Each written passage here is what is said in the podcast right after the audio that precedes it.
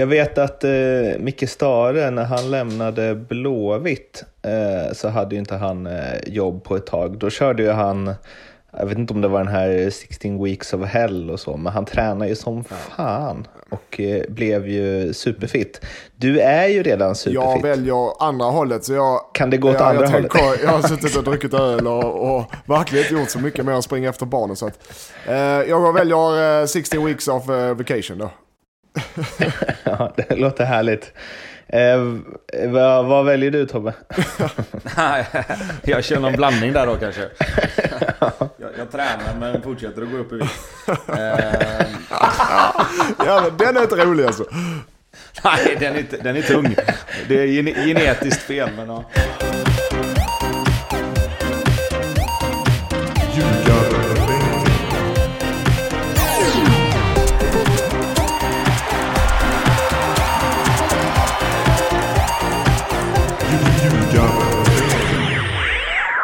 Ljugarbänken är rätta i samarbete med NordicBet. Det är avsnitt 179 och eh, efter att inte ha anpassat efter det täta matchandet ett tag och kört en gång i veckan så är vi nu, nu är det två gånger i veckan igen. Eh, och det är ju eh, på grund av dig Lindström. Ja, ja, det kan man säga. Inget, eh, inget ont som inte får något gott med sig. Var det rätt så Mårten, eller hur? Ex, Ja. ja. det är verkligen. Du har övat in eh, ordspråk här. Har jag. Eh, nej, men jag blev ju eh, uppsagd från Eskilsminne för i, tidigare veckan och eh, tråkigt men det... Sen dess har jag och Tobbe haft ett helvete. Det ska spelas in varje Ja. dag. Morgon, middag, kväll. Det är ju eh, upp på hästen det, men nu har jag ju tid för er. Eh, ofrivillig tid ska jag säga, Ja. så ta inte åt er för mycket. Vad har du gjort med din eh, ofrivilliga tid? Ja, det är tre dagar Mårten. Så att, eh, jag, har varit på, eh, Ja. ja. jag har varit på stranden och så har jag grillat och så har jag eh, sprungit lite. Så har jag badat och kollat fotboll. Så jag har haft, jag har haft det bra. Jag har haft det jättebra. Det låter helt ja, okej. får ja, jag klarar mig. Det är, det är ingen fara med mig tack. Kommer du bli så här... Jag vet att eh, Micke Stare, när han lämnade Blåvitt, eh, så hade ju inte han eh, jobb på ett tag. Då körde ju han, jag vet inte om det var den här 16 weeks of hell och så, men han tränade ju som fan och eh, blev ju superfit. Du är ju redan superfit. Jag väljer andra hållet. Så jag, Kan det gå åt Ja, andra jag, hållet? tänker- jag har suttit och druckit öl och, och verkligen inte gjort så mycket mer än springa efter barnen. Så att, eh, jag väljer eh, 16 weeks of eh, vacation då. Ja, det låter härligt. Eh, vad, vad väljer du Tobbe? Nej, jag kör någon blandning där då kanske. Jag, jag tränar men fortsätter att gå upp i vikt. Eh, Ja, men den är inte rolig alltså. Nej, den är, den är tung. Det är gene- genetiskt fel men ja. Eh, nej då. Eh, vi som sagt, vi spelar ju eh, i tisdags blir det ju. Och vi har inte gjort... Eh, vi hade en lite lätt träning i torsdags som jag dock inte var med på själv. Eh, utan... Eh, vi ser fram emot, vi ska ha B-lags, eh, reservlags B-lagsmatch på måndag. Och sen spelar vi våran första seriematch igen efter uppehållet på fredag nästa vecka. Nere i Halmstad mot Centern. Så att det är så det ser ut för oss. Ytterligare ett bra namn. Centern. Centern.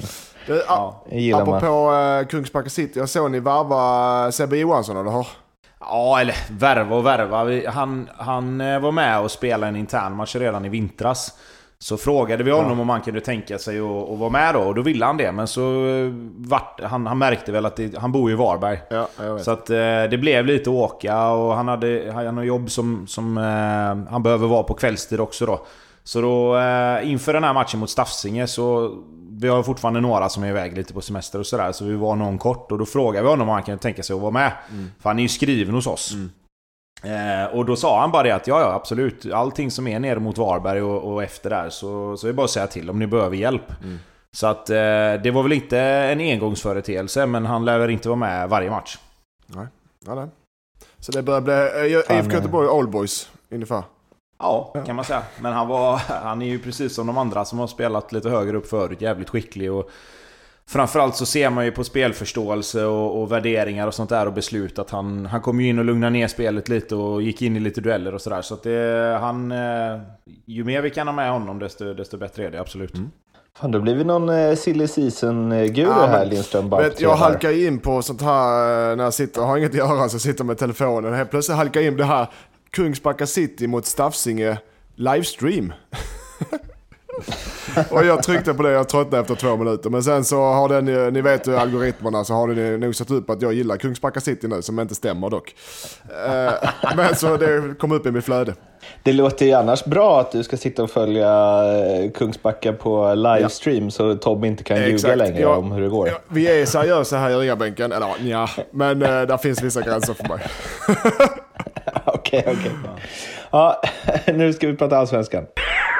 Hammarby eh, fortsätter ju att eh, underprestera. Eh, det blev eh, 1-1 mot, eh, mot Falkenberg och eh, ja, det, i slutet där var det väl närmre att Falkenberg tog de tre poängen och jag är ju ingen eh, före detta eh, eh, proffsfotbollsspelare eller tränare eller något sånt. Men jag tycker att Stefan Billborn tar lite märkliga beslut och gör lite konstiga saker. Jag vet inte om ni håller med mig eller ej. Eh, oh, alltså, först och främst så, så tycker jag att... Jag, jag läste också lite det här med att det var lite konstig startelva och att han gör byten och byter ut spelare från match till match och lite sådana grejer. Men det, det gör han väl för att det är lite för många spelare i, i Hammarby som inte riktigt presterar på den nivån som de hade tänkt. Eh, och när det blir så match efter match så måste du ju skifta och, och försöka hitta någon sorts elva som fungerar. Eh, det, det är så jag tänker att han gör.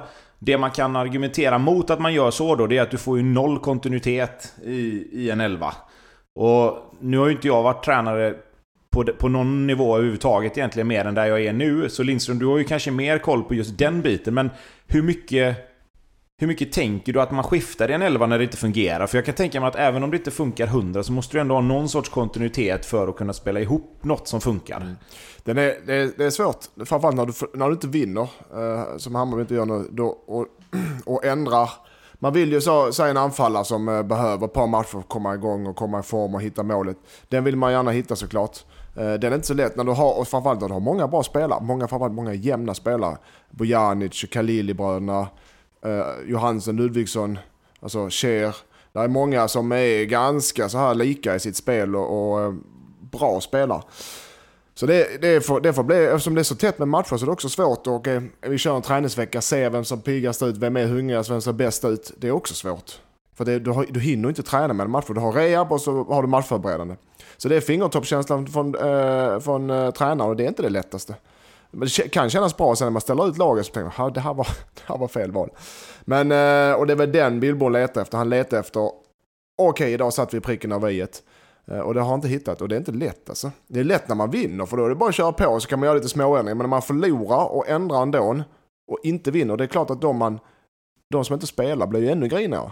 Det brukar ju vara så.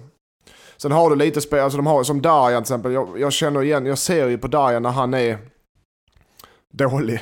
Uh, och han inte, det är något som, fotbollsmässigt, det är något privat, eller det behöver inte vara privat, men någonting i Darjan som kör, gör att han, han är inte där. Han är inte där mentalt. Uh, jag fick höra lite att han, han är inte riktigt uh, i balans. Så att, där hoppas jag att, att han hittar rätt, för det kommer behövas att de vaknar till liv lite. Rodic, även om han kämpar och sliter så är det, det, det är inte tillräckligt bra just nu, tycker jag.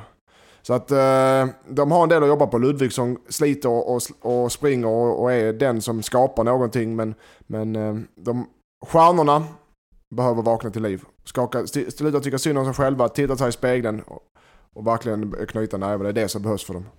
Och det tror jag. Vi var, vi var ju inne på förra säsongen eh, att, eh, och förrförra också, att de hade lite hängande huvuden när det gick emot vissa av stjärnspelarna och det var lite gnälligt vid byten och det var, ja men det var, man märkte att det, det kunde svänga i humöret ganska fort. Men så gick det ju så bra i fjol. Eh, så det blev ju liksom aldrig något problem då. Det var väl mer säsongen innan.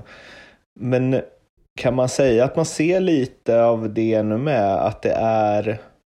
Eh, jag vet inte, nu har Nikola Djurdjic ju försvunnit och han var väl någon som, han gjorde ju också det, men han var samtidigt någon som drev på som bara fan, medan Kacaniklic, Tankovic, eh, Bojanic, jag vet inte, Paulinho kanske också sållar sig till den skalan, att det blir, det är, eh, de är så sjukt bra i medgång, men det kanske inte är de man lutar sig mot när det börjar blåsa heller.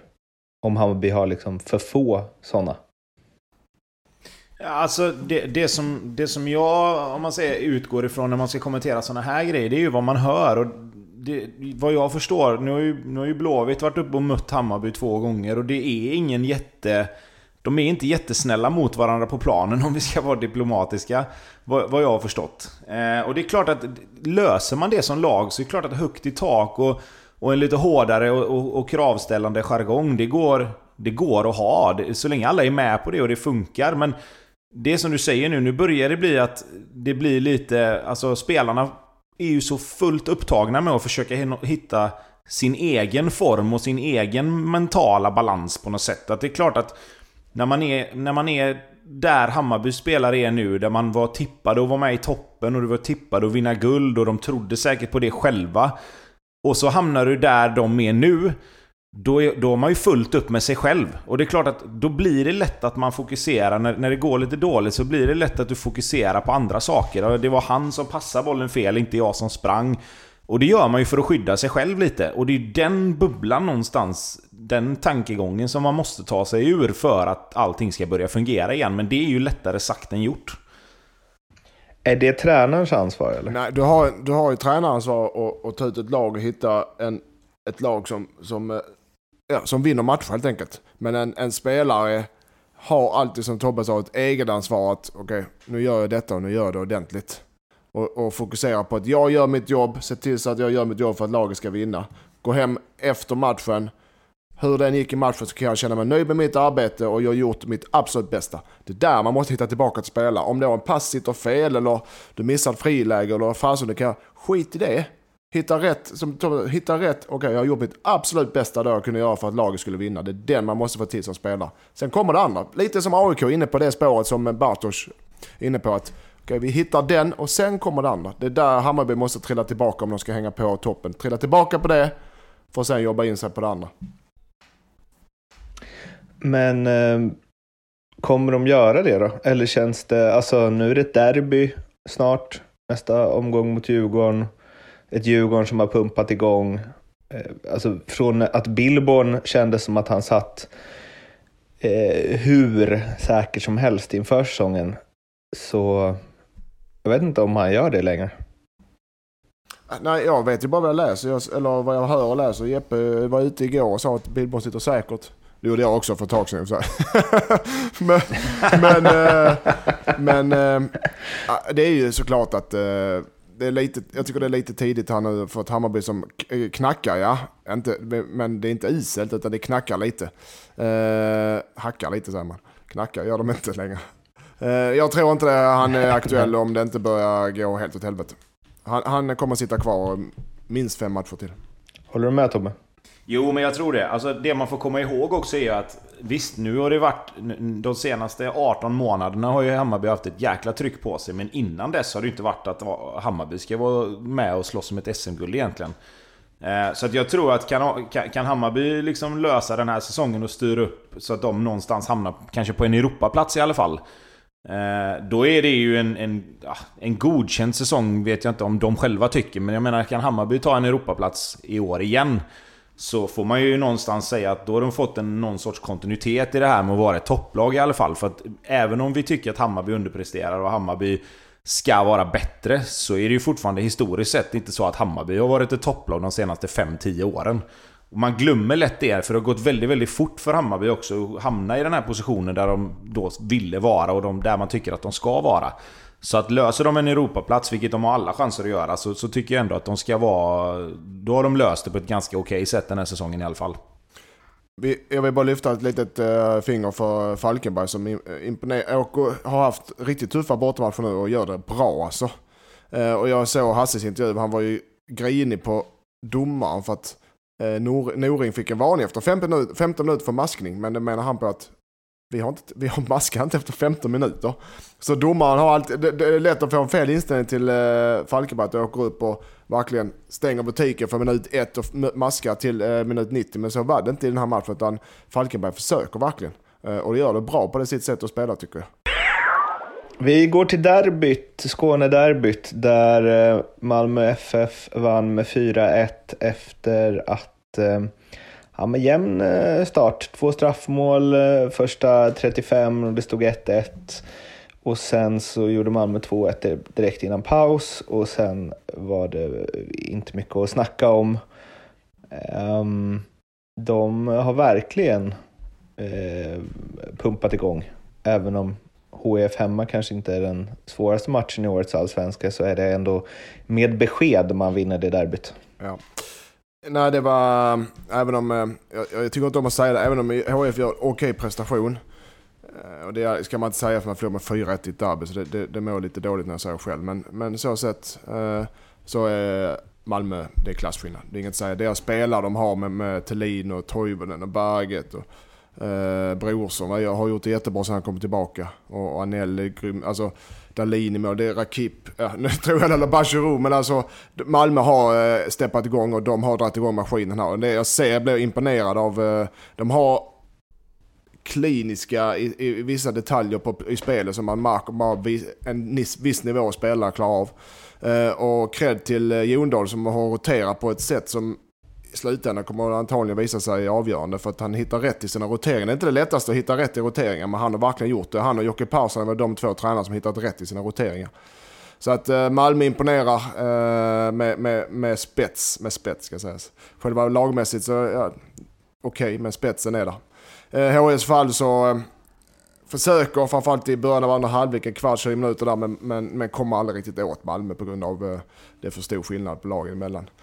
Eh, så att ja, det man såg i ett Skånederby nu för tiden är väl Malmö som stormar mot guldet och ett HIF som kommer ha kniven på strupen hela säsongen. som har ett gäng svåra matcher. Norrköping hemma på måndag tror jag det är. Eh, de har Sirius dubbelmöte. Och Sirius som går från klarhet till klarhet.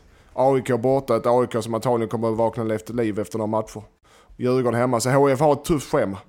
Eh, däremot eh, Malmö har ju Falkenberg, Örebro, Mjällby, Falkenberg. Elfsborg. Så att Malmö stormar framåt, med, med, går snabbt kan jag säga där. De kommer att vinna, fortsätta vinna.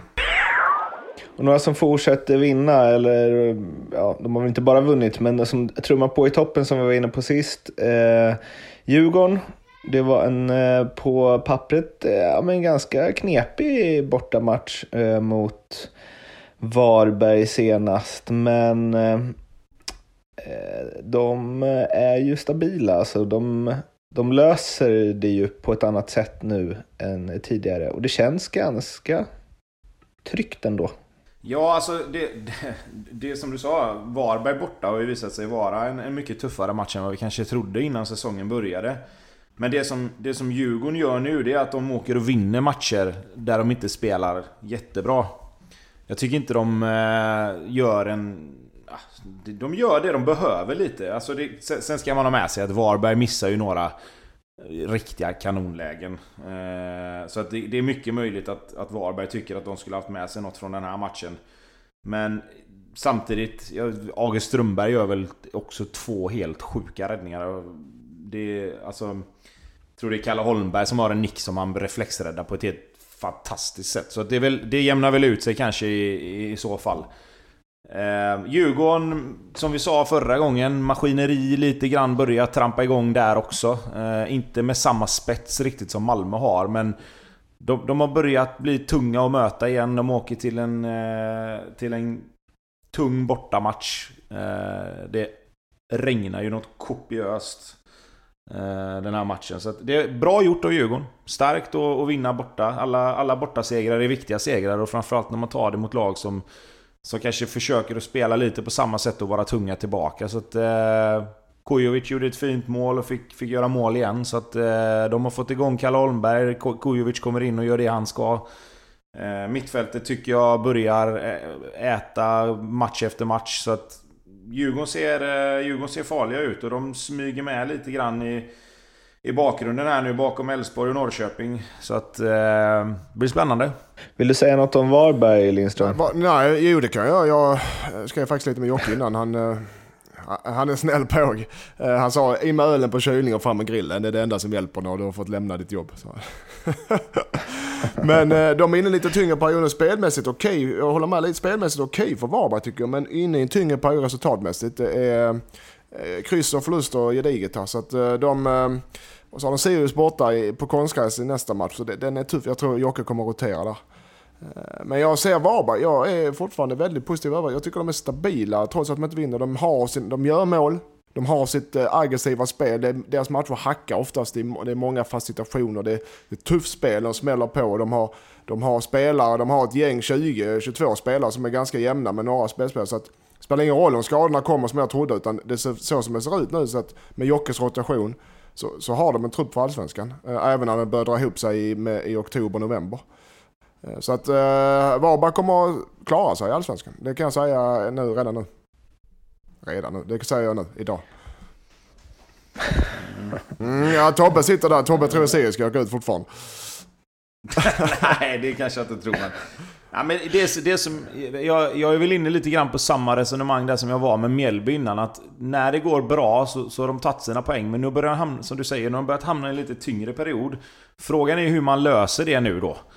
Eh, för det var som du sa, de har roterat ganska friskt och, och, och lyckats med det eh, ganska bra. Men nu är det ju liksom, i och med att det är så jämnt så är det ju att vinner du inte ett par, tre, fyra matcher så hamnar du ju efter direkt. Och nu har ju Varberg skaffat sig en ganska bra poängbuffert på det sättet. Men, men ger det 3-4 matcher till om de inte skulle vinna så, så är du där nere och börjar hamna där det var tänkt från början eller vad man ska säga. Och då helt plötsligt kan det gå troll även för dem. Även om de inte har någonting att förlora och även om pressen är på alla andra lag så kan det fortfarande bli att det blir jobbigt. Det har vi sett med nykomlingar förut som vi tippade och var dyngsist att när det väl börjar eh, gå åt fel håll så går det fort. Och om vi fortsätter uppe i toppen då, så var det ju ett toppmöte i Göteborg. Häcken slog Norrköping med 2-1 efter en match där Alexander Axén som satt som expertkommentator på den matchen var helt lyrisk. Han ville ha tre halvlekar. Han tyckte att det var en helt fantastisk fotbollsmatch med massa kvalitet, framförallt offensivt. Ehm, och ehm, Ja, det var väl en rejäl styrkedemonstration av Häcken. Även om det blev lite spännande i slutet efter Norrköpings reducering. Men eh, ja, det var en bra, en bra fotbollsmatch och eh, ett Häcken som visar att eh, om de bara kan få en aning ordning på bortaspelet så kanske de kan bli att räkna med. Ja, Ja, nej, men de, det var inte ofta man ser Häcken och låg och lura på omställningar på, på hemmaplan där och bara vidare och lät väl Norrköping förra föra matchen och gjorde Norrköping, tycker jag är bra, men de saknade lite som vi har sett en del lag, de saknade det de haft i de andra matcherna, eh, den här spetsen när de skär pass, de kommer i löp, eh, de spelar framåt i fart hela tiden på rörelse. Den saknade Norrköping lite, lite oskarpa. Jag tycker Häcken gör det bra i omställningsspel. Så har du Söderlund som agerar som en målskytt ska. Uh, han gör mål helt enkelt.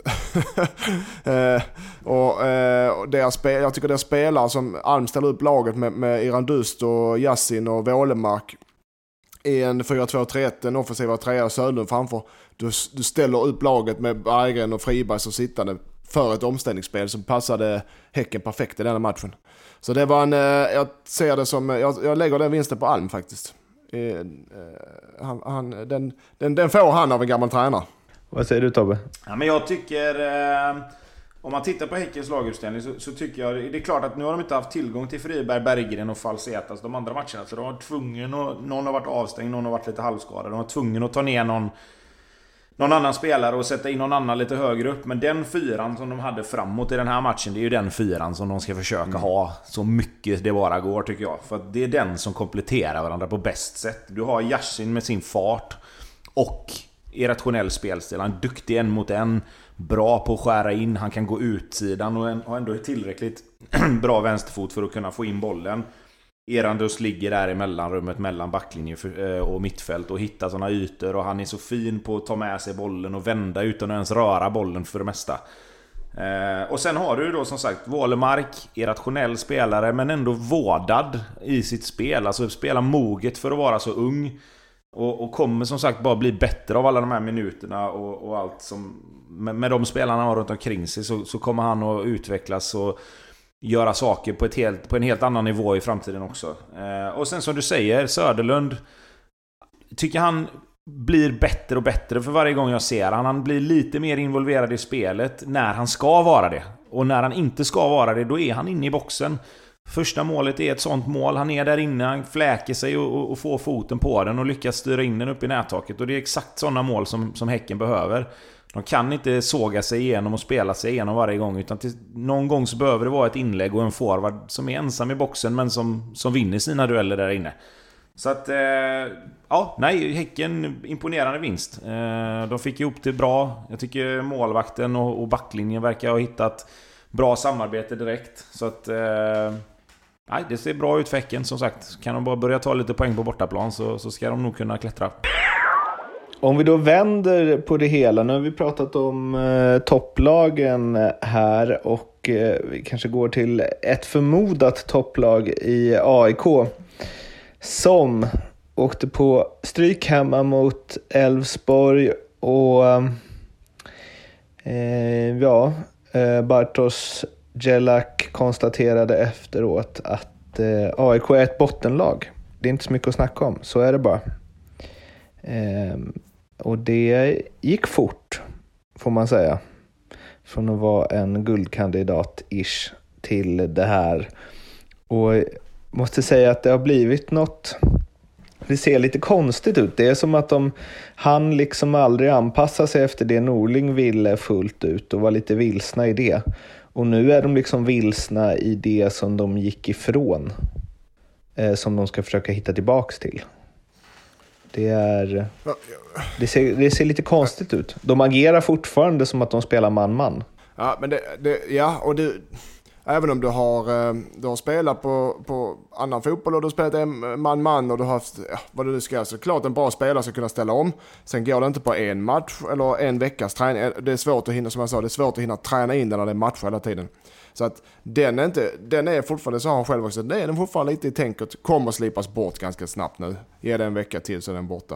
Eh, men jag tycker ändå AIK, denna matchen, Alltså de är lite mer, off, uh, mer inne på motståndarens planhalva, hotar offensivt. De har uh, inne i straffområdet mycket mer tycker jag. De har uh, fler avslut på statistiken. De, har, de tapp, de, alltså de, de, de ser mer stabila ut i sitt sätt att spela och de, jag tycker att de äh, släpper inte till lika mycket. Det blev en, den äh, Häckens, eller förlåt, Elfsborgs andra mål är ju ett ett tydligt, tydligt, tydligt exempel på att okej, okay, där satt vi kvar det gamla emot den eh, en man-man-tänket. Annars tycker jag det är ett steg framåt. De förlorar hemma mot eh, Elfsborg med 2-0. Inte godkänt, men det är ett steg framåt tycker jag. Så det kommer, AI kommer att se bättre och bättre för varje match. Kommer ta poäng. Sen gillar jag eh, Bertos om att så här är det grabbar. Vi ligger i botten av tabellen. Tabell ljuger aldrig, han är inne på det, det han menar ju. Vi får kämpa oss uppåt, men vi måste inse att nu är vi där vi är. Och vi får ta, eh, ta den striden där nere innan vi kan börja titta uppåt. Så det är helt rätt mentalitet för då kommer spelarna, kommer ta poäng och sen ja, om fyra, fem veckor kan man börja titta framåt. Och ska sägas att Elfsborg som fan man imponerar. Det, ska man, det är inget dåligt lag de möter. Men jag tyckte AIK såg bättre Nej. ut. Små, små bitar såg bättre ut tycker jag. Nej men det var, det var det jag skulle komma till också. Att det man ska komma ihåg också nu att ett, ett AIK i, i, den, i den fasen där de är nu. Det är ju ingen, det är ingen lätt match. Oavsett om du spelar hemma eller borta så är det ingen lätt match att ta emot ett självförtroende dopat Elfsborg liksom. Eh, de, deras spelare liksom jag vet inte vad man ska jämföra det med, men de har ju någonstans bara men vi är så här bra och vi bara kör. De, de lyckas ju inte med allt, men fasiken med det mesta ändå. Mm. Uh, och jag menar, det är... Det, det, är ju så, när du, när du är i den zonen som vissa av Elfsborgs spelare är, då, då, då, behöver du inte tänka så mycket. Och med AIK så är det tvärtom. Och, och, då blir det liksom, då blir det den skillnaden som var. Nu, nu var det inte... Det var ingen ojämn match på något sätt, men Elfsborg är lite vassare i de avgörande lägena. Inne i straffområdena så har Elfsborg lite mer självklarhet. Det är lite mer givet vad de ska göra. De är lite mer beslutsamma och då, då blir det så som det blir. Eh, så där är ju där är det största, tycker jag, då för, för eh, AIK. Det är ju att hitta tillbaka till någon sorts kanske lite mer ändå struktur. Alltså även i ett anfallsspel måste du ha struktur när det inte riktigt funkar. Och de, de kanske behöver bli tillsagda lite mer. Så här ska vi anfalla. Du, de, de, de bästa lagen löser det på improvisation och individuell skicklighet. Men när du inte skapar målchanser och när du inte gör mål och vinner så kanske du måste styra upp även anfallsspelet lite mer. Försvarsspelet har du alltid uppstyrt i, den mån det går. Men anfallsspelet vill man ju ofta ha lite mer fritt. Men du kanske får, du kanske får frångå det eh, under ett par veckor och se till att du får in att du får in liksom i huvudet på spelarna så här ska vi göra. Så, så får man ta det därifrån. Hur när måste AIK få ordning på det här då?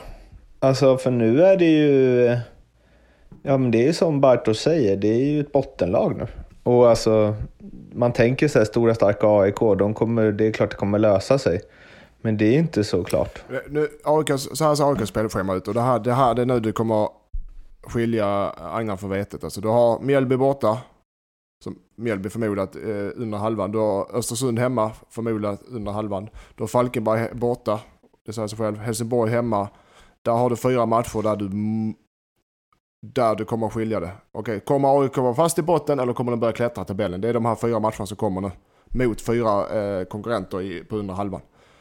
Så att eh, där behövs, och det kan jag säga, där måste börja vinnas i de matcherna. Annars, det, annars blir det eh, kniven på strupen där också. Men där tror jag AIK kan vända, där tror jag AIK kan vända trenden. Har de en, en 7-8 eh, poäng där så är det bra. Ett annat lag som skulle må bra av att vända en trend, eh, IFK Göteborg. Vi var inne lite på det i eh, förra avsnittet, eller vi har väl varit inne på det fler gånger. Eh, och de eh, får inte ordning på det. Det bränns straffar och eh, det eh, ja, tappas ledningar och så vidare. Ehm, och nu, jag vet inte, det känns ju som att det borde börja blåsa mer och mer för varje match, men vi har ju tagit upp deras facit tidigare och någonstans blir det ju som att ja, när man har vunnit så lite på så lång tid så vet man inte riktigt var gränsen går för huruvida man ska satsa på en ny tränare eller så. Alltså, jag vet inte om 2-2 hemma mot Östersund är tillräckligt dåligt för att det ska vara en ännu sämre situation nu än vad det var innan den matchen. Om ni förstår vad jag menar. Ja, eh, alltså det, jag, jag, tror ju så här också att det man får med sig nu är ju hela situationen som är runt omkring allting. Det, det, du kan inte dra på dig en massa extra kostnader heller nu som, som, eh, som läget ser ut. Så att det tror jag absolut har, har en, en del i det. Sen är det inte säkert att de hade bytt tränare bara för den sakens skull. Och jag säger inte att man nödvändigtvis ska göra det heller. För att Problemet när du byter en tränare är att, när, både för, för AIKs del som Norling då, de spelar på ett väldigt specifikt sätt. Eh, Blåvitt har valt att göra det också. De, de har en väldigt specifik spelidé. Eh, och ska du in och rota i den när det går dåligt och spelarna inte har något självförtroende, då vet det 17 om det blir så mycket bättre egentligen. Så att där, där med det sagt så, så tycker jag det är svårt att säga. Det, det, någonting måste ju hända uppenbarligen, för att de vinner ju inte matcherna. Det, det, är liksom, det kan vi ju konstatera, det är ju fakta. Så att det behöver vi inte ens debattera om. Det som, det som jag tycker är skillnaden på matchen, om man säger... För vi har snackat om att om du plockar ut matcherna en och en så, så är det inte jätteilla alltid. Men det som var i den här matchen mot Östersund är att första delen av matchen gör Blåvitt jättebra.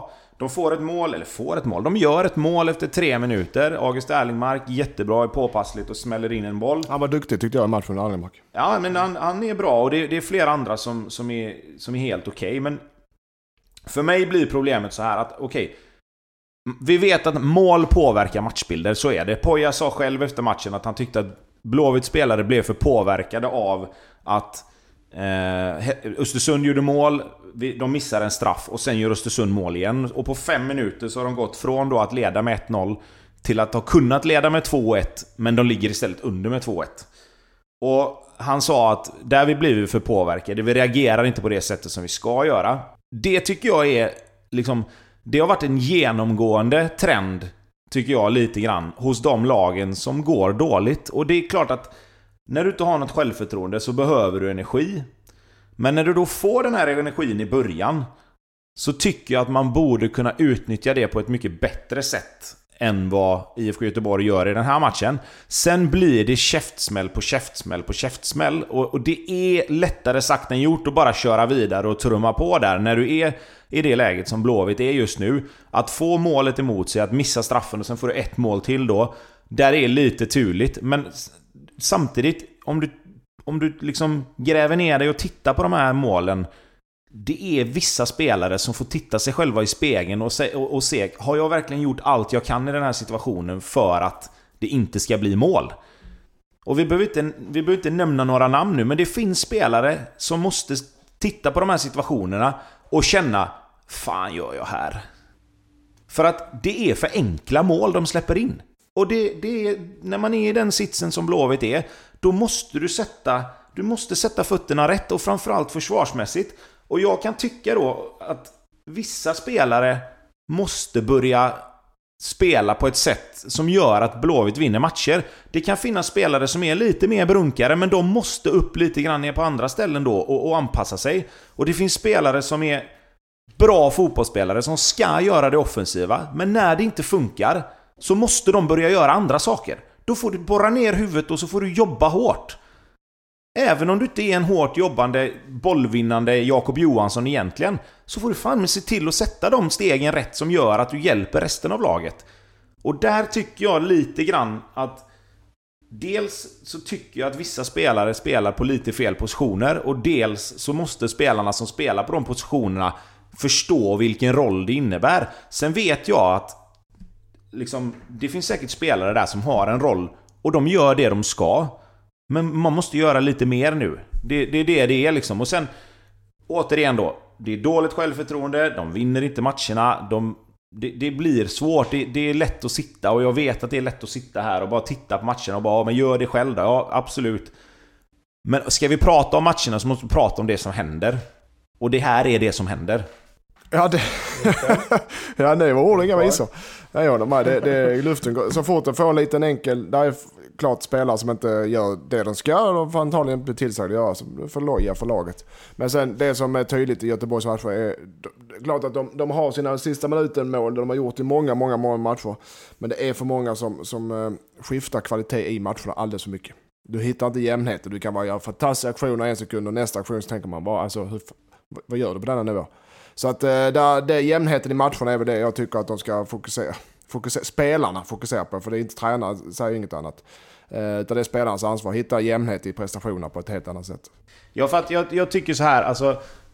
Man kan kritisera tränaren för att de inte vinner matcher, det ska man absolut göra. För det, det, men det tillhör, det tillhör ju. Det, ja, men, och så är det, och det vet de om. Det, det är liksom som vi sa, det är fakta liksom.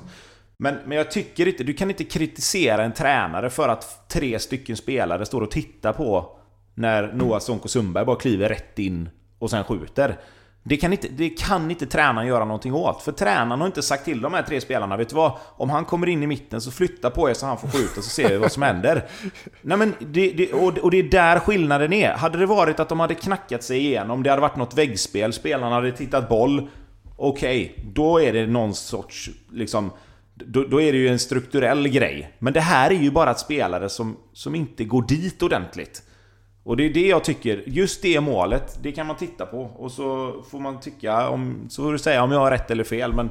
Sen är det en jävla flyt att han får den på sig och så går den upp i bortre krysset. Det, det må vara hänt. Men det är, det är lite för enkla, det är lite för, för mjäkigt på vissa håll och det har de inte råd med nu. Ett annat lag som inte har eh, råd med eh, speciellt eh, mycket eh, är ju Kalmar. Det går tungt alltså. Får man ju säga. Och det som såg lite spännande ut inför säsongen, vilket det ofta gör. Lindström eh, höjde för tredje året tredje året eh, Ja. Eh, och som också började lite småtrevligt med Fröling och kompani. Det har ju rasat ihop fullständigt. Och man åker alltså på en 3-0-torsk hemma mot Örebro. Ja, det var...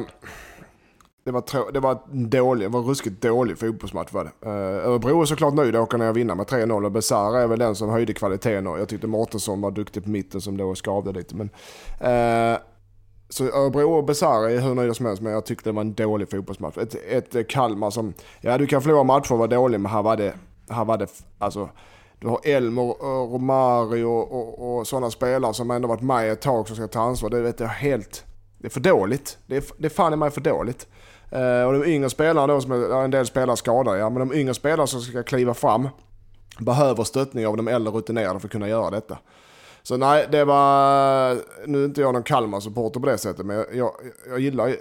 Jag är nog den enda som gillar Kalmar. Det här var, det är för dåligt alltså. De kommer åka rakt ut om de fortsätter uppträda så här. Och det är samma som vi pratar om de andra eh, lagen. som vi pratar om IFK precis, eller vi pratar om Hammarby innan.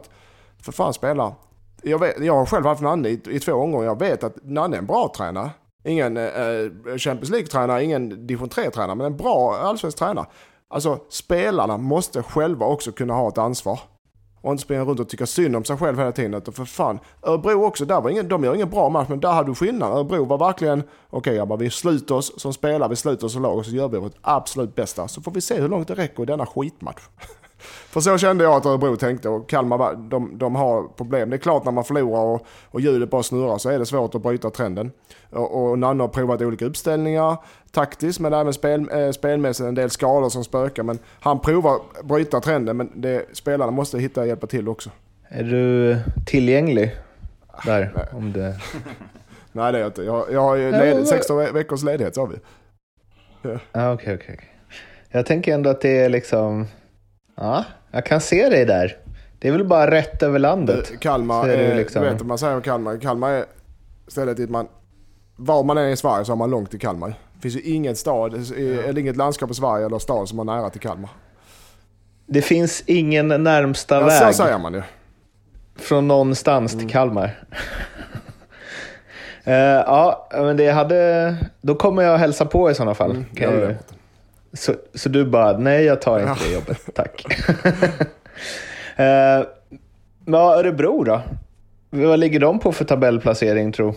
De ligger nia va? De ligger väl nia? ja. ja. det är helt sjukt egentligen. Alltså. Det är, ja. Nej, vad fan, det är också fakta ju. Sen är det ju många matcher kvar, mm. men det är, det är ändå lite roligt. Det känns som Örebro mm. är ett sånt lag. De vinner och sen förlorar de. Och så vinner de och så förlorar de. Mm. Så att, eh, med tanke på att de möter Blåvitt nästa match så är vi bara hoppas att de fortsätter så då. Men de, eh, de börjar få lite fäste där tycker jag nu. Eh, alltså, ner mot botten. 16 poäng och ja, som Tobbe sa lite upp och ner prestationerna. Men tycker ändå de börjar slita sig loss från bottenskikt och då, då ska de vara nöjda med det. Är inte Nahib Besara väldigt, eller borde inte han spela liksom i ett bättre lag? Eller? Eller han kanske passade ja, han, bara, han är ju duktig, men... men han valde ju att sticka iväg. Han var ju nere i Mellanöstern i, och sedan stack han till Cypern. Så han valde den andra istället för... Han, har, han hade säkert anbud för svenska lag, tror jag. Uh, han har ju varit i Hammarby och ja. Så ja, han valde nog en annan väg. Uh, pengar helt enkelt, uh, tror jag. Och sedan tillbaka till allsvenskan igen. Så jag tycker också att han är en duktig spelare, alltid tyckt det.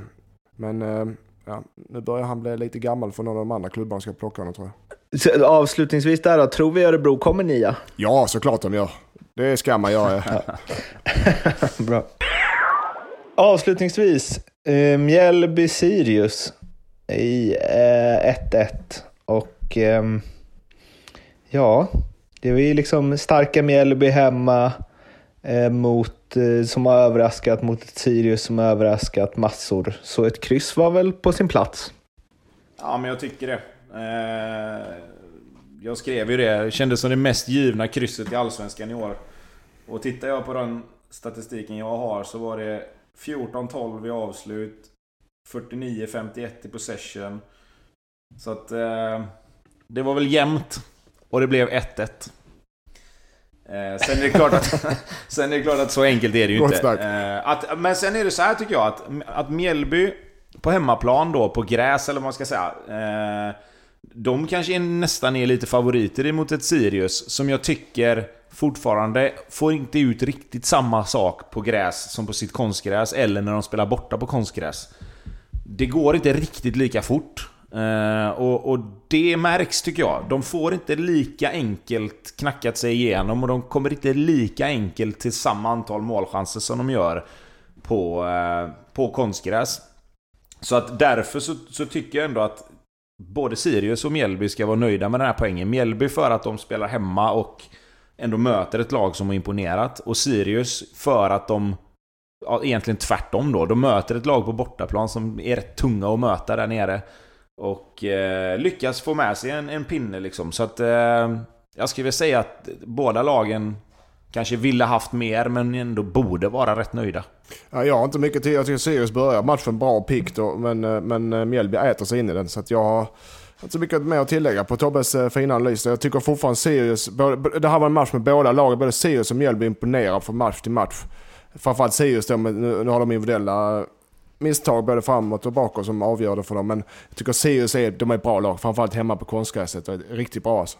Eh, Mjällby är stabila på ett annat sätt. De har en grundorganisation som är, som är stabil, de är lugna och de är trygga i sitt sätt att spela. Även på de sätt också, men på en annan sorts fotboll.